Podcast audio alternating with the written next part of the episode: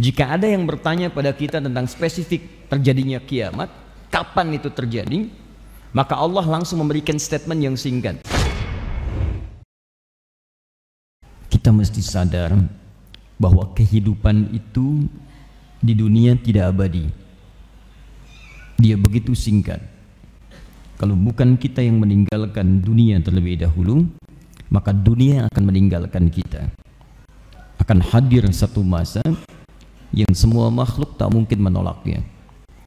Bahkan tidak sedikit orang bertanya-tanya kapan waktu itu akan terjadi.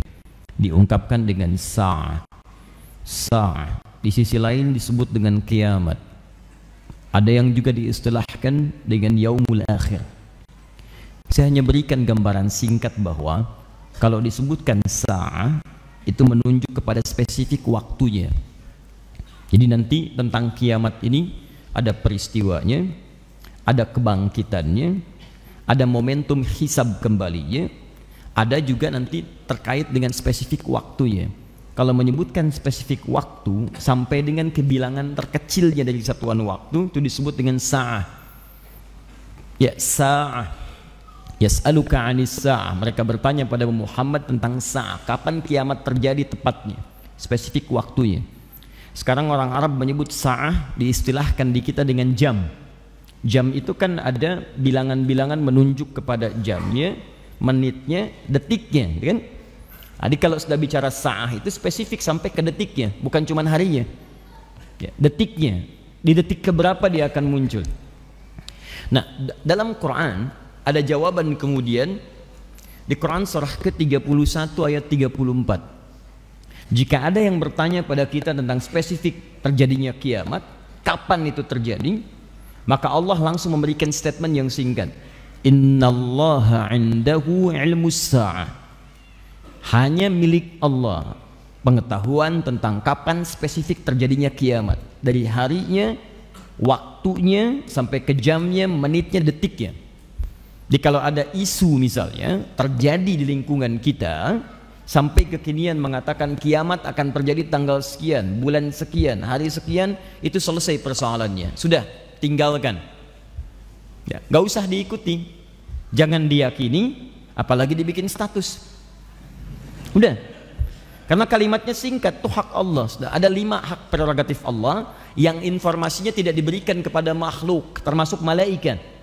Makanya malaikat Jibril di hadis Muslim nomor hadis yang ke-8 Kemudian dikutip oleh Imam An-Nawawi dalam kitabnya Al-Arba'in, nomor hadis yang kedua di Al-Arba'in, bahkan disebut dengan hadis Jibril. Beliau ketika mengkonfirmasi tentang makna Islam, kemudian iman, kemudian ihsan, di ujungnya bertanya mata sah. Kapan kiamat terjadi spesifik waktunya?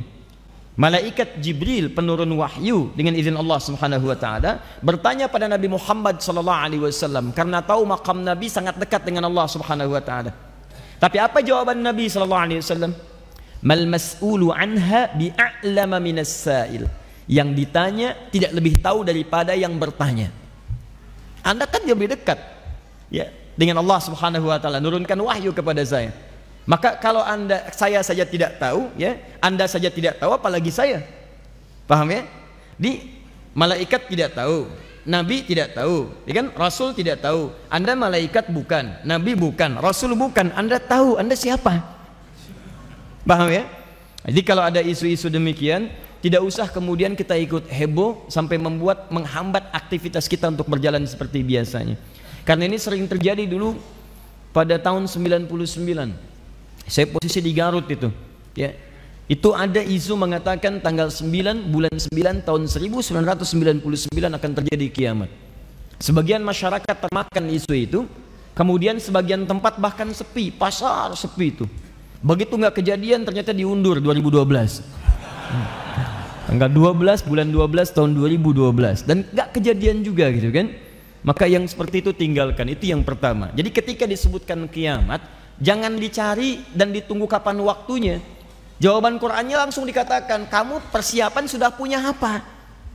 Ya, awas hati-hati.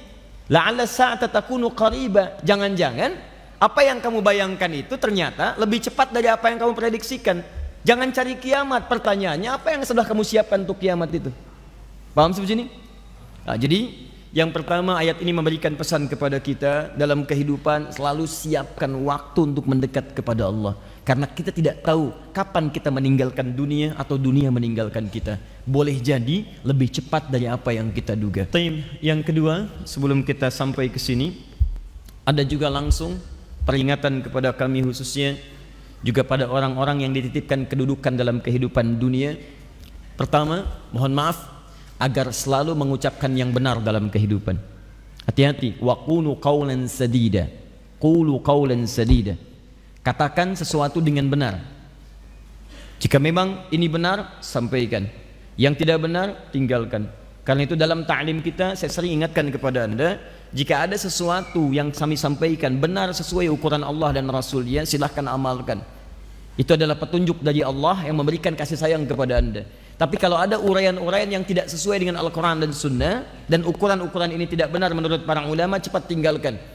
Karena itu kesalahan mutlak yang kami sampaikan dan tolong diberitahukan supaya kita bisa koreksi dan kita bisa mendapatkan ajaran yang benar sesuai dengan petunjuk Allah Subhanahu wa taala. Itu standar. Karena tidak mudah saat kembali kepada Allah orang-orang yang dititipkan pengetahuan atau kedudukan. Karena nanti ada orang yang menggunakan pengetahuannya untuk menyesatkan orang lain. Hati-hati. Ada juga orang yang dititipkan kedudukan lalu menyimpang dari kedudukannya. Bahkan membawa pengikutnya kemudian maaf larut dalam penyimpangan itu. Nah nanti ketika dia dikumpulkan di akhirat maka saat akan dimasukkan ke neraka para pengikutnya ini protes dan memohon kepada Allah agar ditimpakan azab dua kali lipat kepada sadah dan kubara orang-orang yang diangkat dengan kedudukan itu. Imma itu pemimpin, sadah menunjukkan kepada pemimpin, kubara itu bisa dimaknai orang-orang yang dimuliakan mulanya pada awalnya dengan keistimewaan-keistimewaan tertentu. Bisa berupa pengetahuan. Karena itu ulama-ulama yang punya pengetahuan luas disebut dengan kibarul ulama. Kibar. Kalau kata kibar kemudian jadi negatif, maka dalam bahasa Arab sering dikaitkan dengan kubara. Kubara terambil dari sifat kibria. Kalau dia ingin sombong, ingin mempraktekkan kesombongannya, maka tambahkan alif, sin dan tak di depannya. Jadi istikbar, istakbar pekerjaannya, istikbar sifatnya. Makanya iblis ketika tidak mau sujud kepada Adam disebutnya istakbar. Bukan kabura, tapi istakbar. Karena dia seakan-akan ingin mengambil kesombongan untuk dipraktekkan pada dirinya. Bukan pengen sombong, tapi dia ingin mengambil kesombongan untuk dia miliki. Quran surah kedua ayat 34.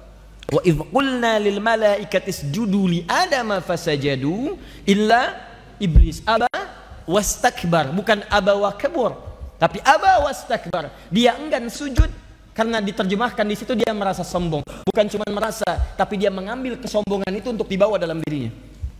Ya. Asalnya bukan iblis namanya asalnya jin. Jin yang taat cuman dia menyimpang.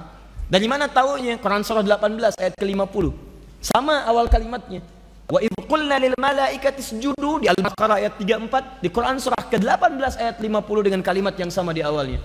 Wa idh qulna lil malaikati isjudu li Adam fasajadu illa iblis. Siapa iblis? Kana minal jinni fa fasaqa an amri rabbi.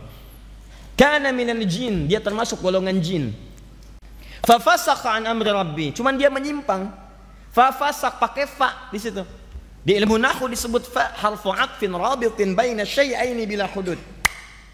Huruf menyambung dua peristiwa dengan cepat tanpa jeda.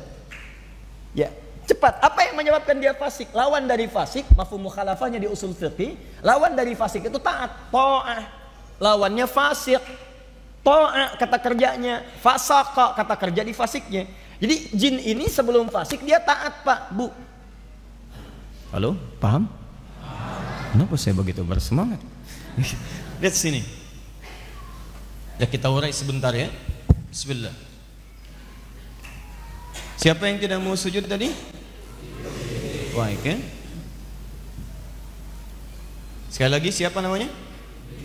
Oh, jangan begitu melihatnya. ya. Ah ini iblis. Asal dari iblis tadi apa? Jin. Baik. Jinnya taat tidak?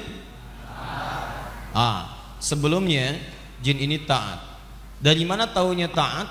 Karena di Quran surah ke-18 ayat ke-50 dia disebut fasak, menyimpang, fasak. Kapan menyimpangnya? Pakai fa sebelumnya. Ada peristiwa yang menjadikan dia menyimpang. Peristiwa ini begitu cepat. Singkat, makanya pakai fa.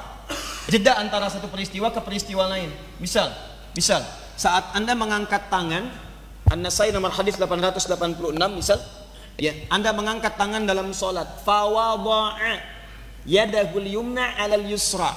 Maka cepat letakkan telapak yang kanan di punggung yang kiri. Pakai fa. Di peristiwa pertama mengangkat, peristiwa kedua meletakkan. Antara mengangkat dengan meletakkan cepat, tidak ada gerakan lain. Jadi begitu mengangkat Allahu Akbar langsung. Ya. Makanya mohon maaf, jangankan di kitab hadis sahih, di kitab paling palsu pun, kitab hadis paling palsu tidak ditemukan gerakan lain antara mengangkat dengan nyimpan. Bayangkan, ya, saking palsunya pemalsu hadis pun tidak tertarik memalsukan hadis ini karena saking jelasnya. Ya, jadi kalau yang seperti ini cepat lakukan, tapi juga kalau ada yang keliru jangan cepat disalahkan. Tanya dulu barangkali punya referensi. Kalau tidak ada maka terangkan dengan lembut. Kadang-kadang kan ada yang suka kreatif, begitu diangkat Allah nggak enak, kiri nggak sopan, kanan yang sopan. Jadi begitu dia angkat Allah kanan masuk duluan, kiri tutup baru gini. Kadang kaki naik dikit gitu kan. Nah ini barangkali yang sedikit kita koreksi. Fa, cepat peristiwanya. Nah ini nanti kalau kita masuk ke surah itu di ayat itu saya terangkan dengan lebih detail. Ini jin ini tadinya taat, cuman ada peristiwa begitu cepat yang membuat dengan peristiwa itu dia tiba-tiba cepat menyimpang dan kehilangan kedudukannya di sisi Allah Subhanahu wa taala. Hati-hati. Hati-hati, awas, awas, awas lihat baik-baik ya. Peristiwa ini cepat tapi kemudian disoal oleh Al-Qur'an, dinilai jelek oleh Allah Subhanahu wa taala. Kalau Anda mengerjakan seperti ini sekalipun peristiwanya cepat tapi Anda tidak segera kembali kepada Allah, maka taruhannya tempat kembali Anda tidak ada yang lain kecuali neraka.